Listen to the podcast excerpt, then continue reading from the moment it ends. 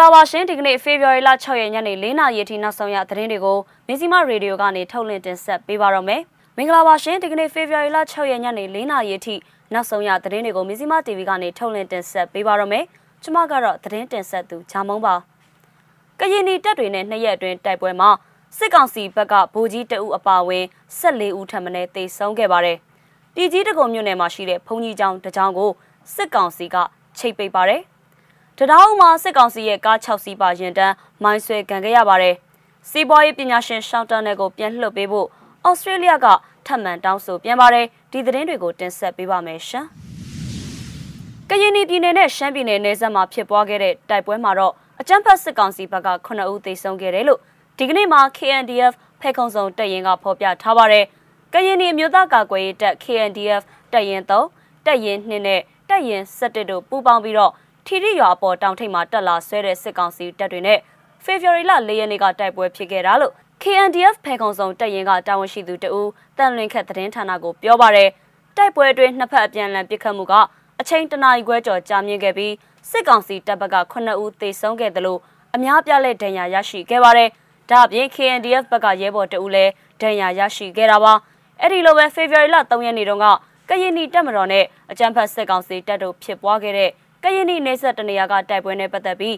ကရင်နီတပ်မတော် KA ကဗီဒီယိုမှတ်တမ်းနဲ့တကွဖော်ပြထားပါတယ်။နှစ်ဖက်အပြန်အလှန်ပစ်ခတ်မှုကအချိန်နိုင်ဝက်လောက်ကြာမြင့်ခဲ့ပြီးစစ်ကောင်စီတပ်ဘက်ကတရင်မှုဗိုလ်ကြီးအောင်မင်းဦးအပါအဝင်အ ਨੇ ဆုံး9ဦးသေဆုံးပြီး4ဦးဒဏ်ရာရရှိခဲ့ပါတယ်။ KA ဘက်ကတော့ထိခိုက်ကြဆုံးမှုမရှိဘဲပြန်လည်ဆုတ်ခွာနိုင်ခဲ့ပါတယ်ရှင်။မန္တလေးတိုင်းပြည်ကြီးတကုံမြို့နယ်88လမ်းမှာရှိတဲ့ဝီစီတာယာမတိုက်တေဇာလင်္ကာရအကြောင်းကို မနေ့ကမနက်10:00နာရီလောက်မှာစစ်ကောင်စီတပ်ဖွဲ့ကချိတ်ပိတ်သွားကြောင်းသိရပါဗျ။အဲ့ဒီကြောင်းကဦးစင်တပါကိုဖေဖော်ဝါရီလ4ရက်နေ့ညနေလောက်ကလာရှာတယ်လို့ကြားတယ်။ဒီမနေ့ရောက်တော့ကားအသေး3စီးနဲ့စစ်ကောင်စီတပ်ဖွဲ့ဝင်တွေပြူစောထီတွေစစ်ကောင်စီရဲ့အုပ်ချုပ်ရေးပိုင်းကလူတွေအရက်ဝတ်တွေနဲ့အင်အား20လောက်ရှိမယ်။ရောက်လာပြီးတော့ကြောင်းကိုချိတ်ပိတ်လိုက်ကြတယ်လို့ကျောင်းនេះမှာသတင်းသုံးနေတဲ့ဆရာတော်တပါးကမိန့်ကြားပါတယ်။အဲ့ဒီကျောင်းမှာဆရာတော်၃ပါးသတင်းသုံးနေကြတာဖြစ်ပြီးဆရာတော်တွေကိုလည်းပြောင်းရွှေ့ခိုင်းခဲ့တယ်လို့သိရတာပါ။ လာရှာတဲ့ဦးစင်တစ်ပါးကိုမတွေ့တော့ကျောင်းကဆရာတော်တွေကိုဖယ်ခိုင်းတယ်ပစ္စည်းတွေယူဆောင်သွားတာတော့မရှိဘူး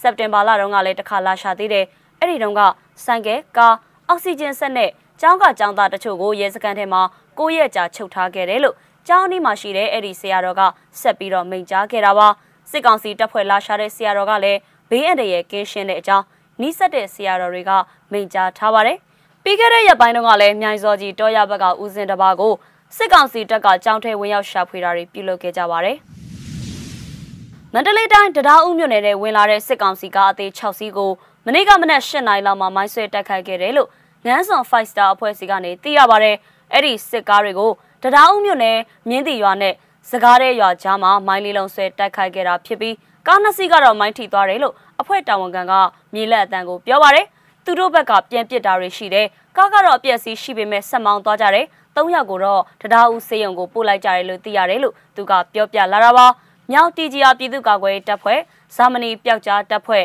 ငန်းစွန်5 star နဲ့ငန်းစွန် heroes အဖွဲ့တို့ကပူးပေါင်းတိုက်ခိုက်ခဲ့တာပါစစ်ကောင်စီဘက်ကတေဆုံးသူရှိမရှိကိုတော့ဆက်လက်စုံစမ်းနေဆဲပဲဖြစ်ပါတယ်ဖေဖော်ဝါရီလ3ရက်ညနေ6နာရီတုန်းကလည်းငန်းစုံမြို့နယ်ကနေငန်းမြရွာကိုလာတဲ့စစ်ကောင်စီရင်တန်းမိုင်းဆွဲတိုက်ခိုက်ခံရပြီးစစ်သား2ဦးသေဆုံးခဲ့တယ်လို့ငန်းစုံ5 star အဖွဲ့ကသတင်းထုတ်ပြန်ထားပါသေးတယ်ရှင်။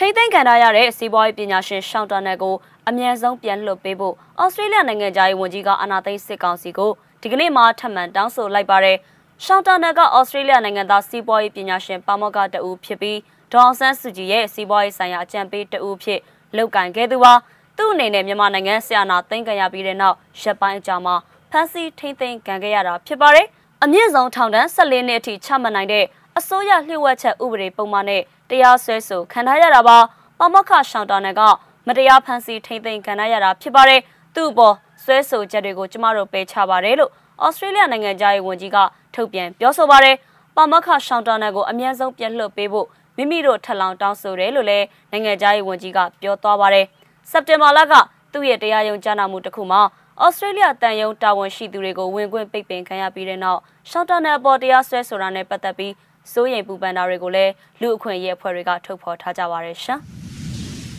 မင်းစီမရေဒီယိုရဲ့ညနေ၄နာရီထိနောက်ဆုံးရသတင်းတွေကိုတင်ဆက်ပေးခဲ့တာပါစောင့်မျှော်နားဆင်ပေးခဲ့ကြတဲ့အတွက်ကျေးဇူးတင်ပါတယ်ရှင်